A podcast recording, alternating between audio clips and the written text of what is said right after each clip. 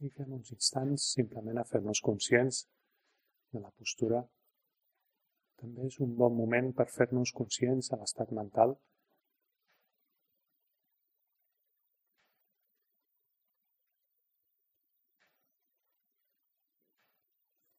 A aquesta hora, en general, hi ha menys pensaments, la ment està més serena. I és bo també familiaritzar-se, observar aquesta serenitat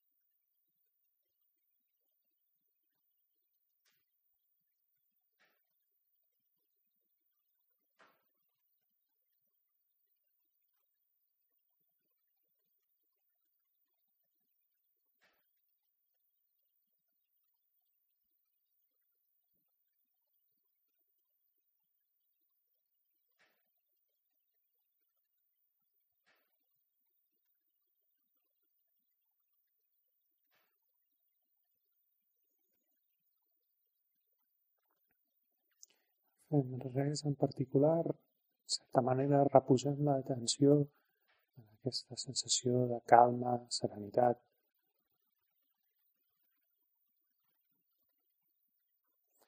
Suaument posem l'atenció a la respiració, mantenint aquesta calma, aquesta serenitat.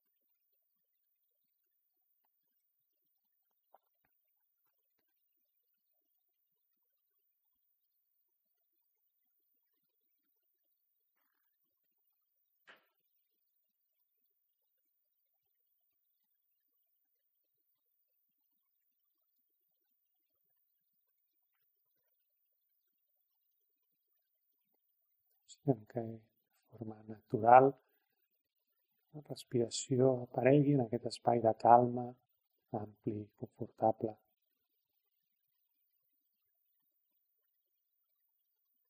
Prenem consciència d'aquestes sensacions. Si surt algun pensament, alguna distracció, observem també com sorgeix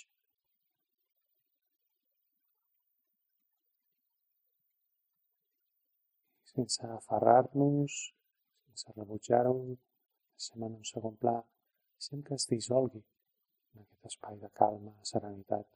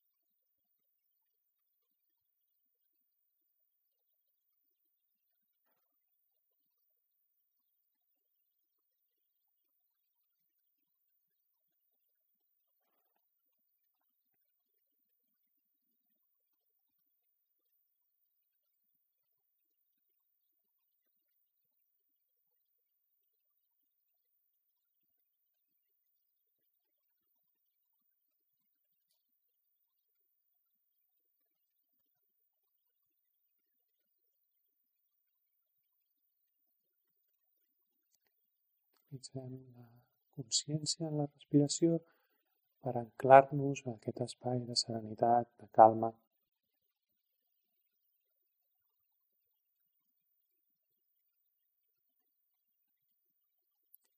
La pràctica és, com sempre, tornar. No alimentar, ferrament a pensaments, emocions, no rebutjar. Deixar que aquestes accions potencials sorgeixin i es dissolguin de nou en aquest espai de calma, de serenitat.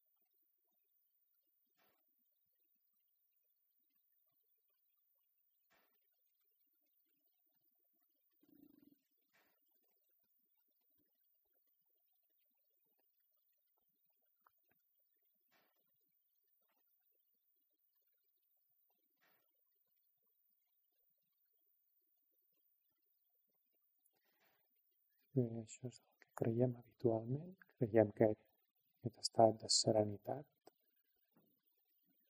ven quasi exclusivament de condicions externes, en un lloc tranquil, de poques coses. Aquest estat de serenitat és un estat que podem portar a la vida quotidiana, a la ciutat, multitud d'estímuls. Condicions externes participen. Un lloc tranquil ens ajuda a trobar aquesta serenitat, però no és imprescindible. El que és imprescindible és soltar l'aferrament als estímuls, soltar la versió, deixar de saltar impulsivament d'una cosa a l'altra. Centrar l'atenció en el que decideixo lliurement, instant a instant, i mantenir allà focalitzada l'atenció per tant de temps com jo desitjo. Quan faig això és igual que hi hagi un milió d'estímuls, on hi hagi tres. La ment està centrada, estable. I sorgeix una sensació de serenitat, estabilitat. Un espai de llibertat en el que fàcilment pot sortir el millor de nosaltres,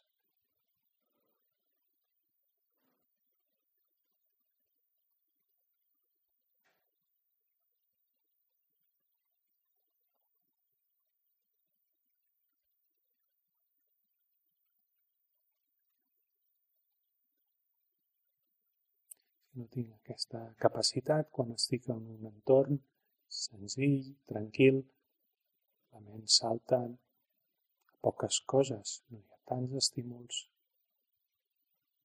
i s'asserena. Però després, quan vaig a un entorn sobreestimulat, salto impulsivament d'un estímul a l'altre i perdo tota tranquil·litat. La clau és deixar de saltar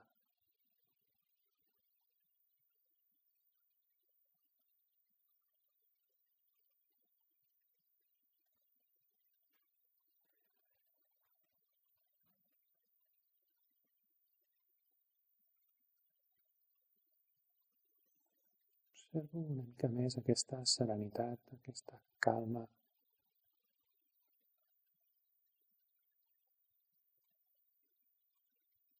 Observo com em fa sentir físicament, mentalment,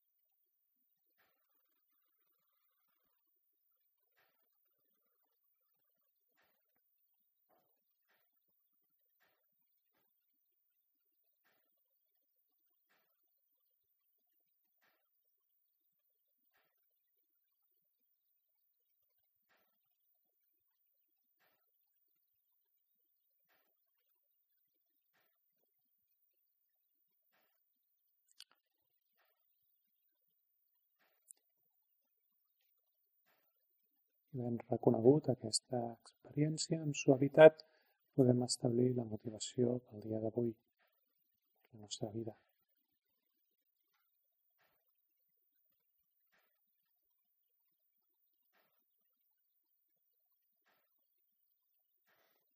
El punt de partida pot ser voler cultivar aquesta ment més serena, més estable.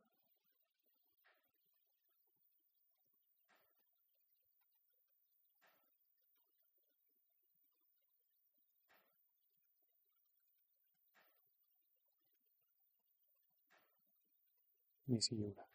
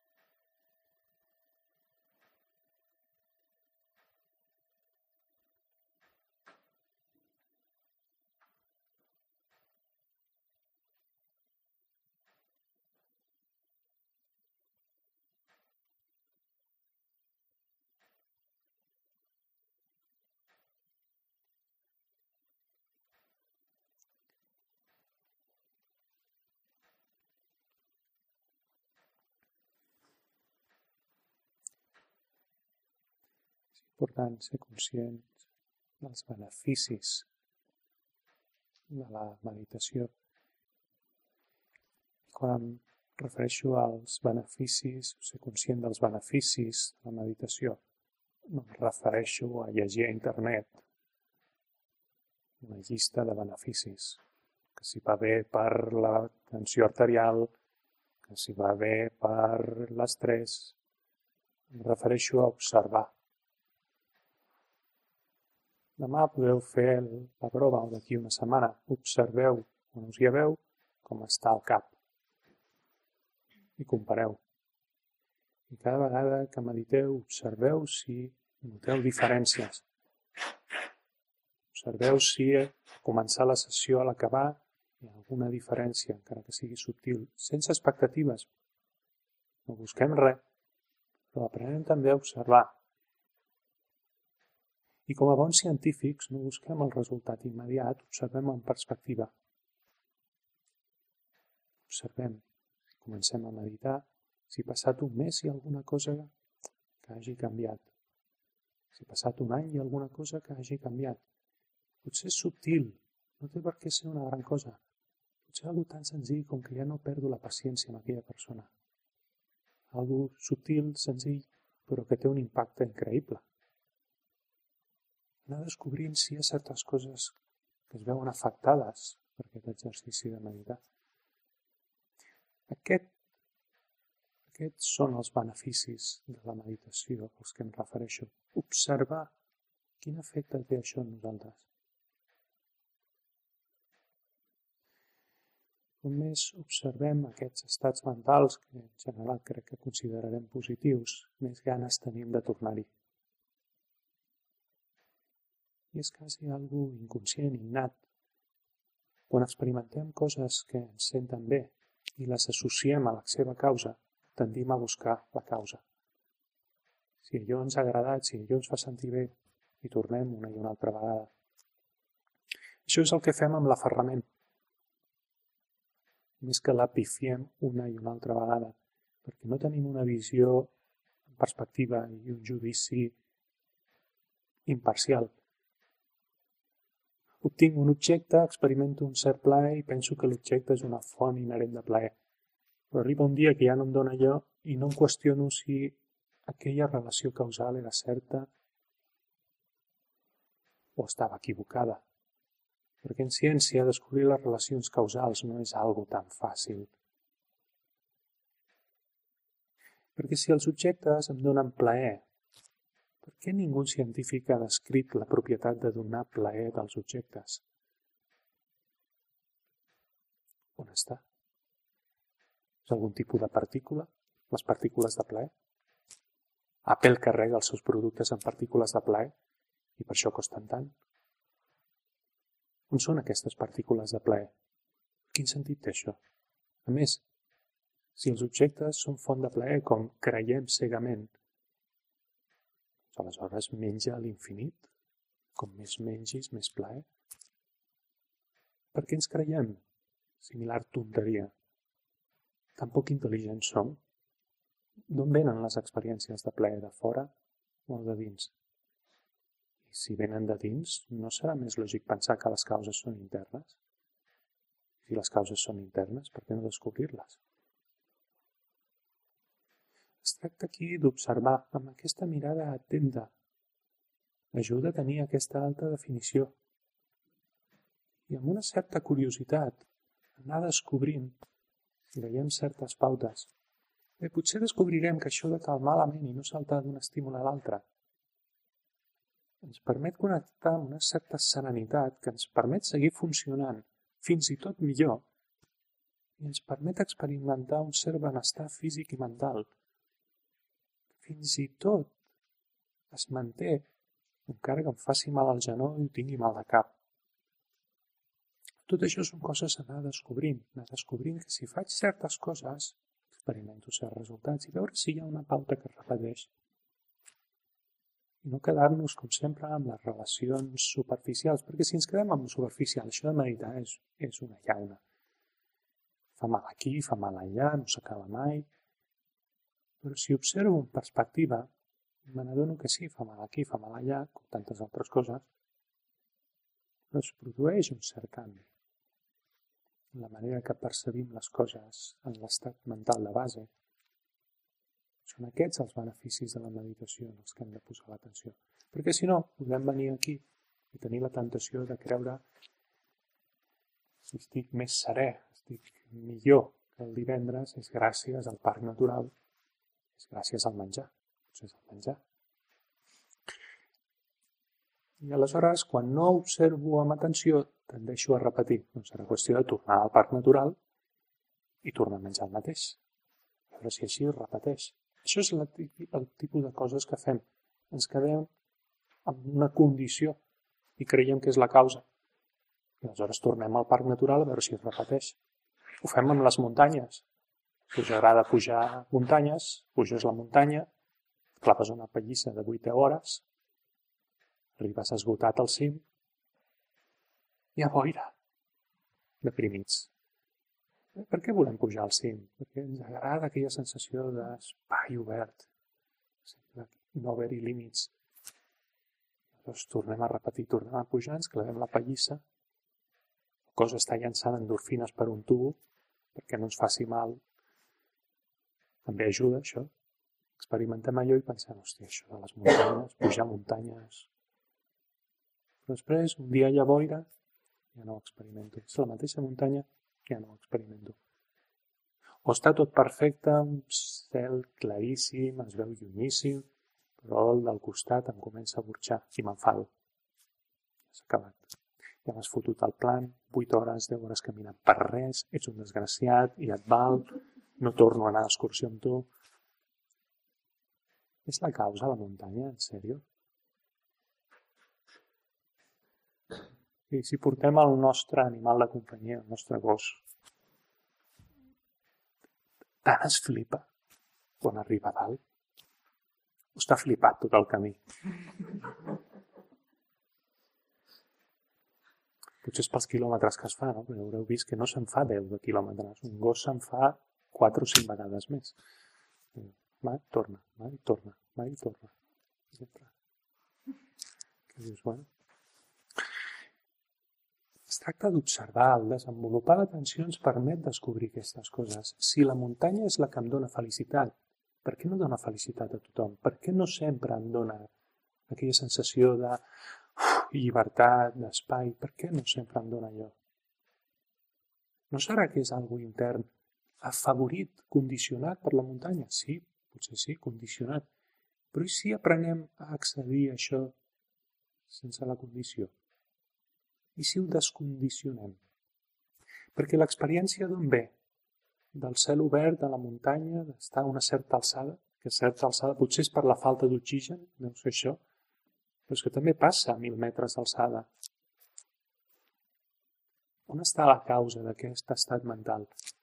No seria més lògic pensar que la causa d'estats mentals l'hem de buscar a la pròpia ment?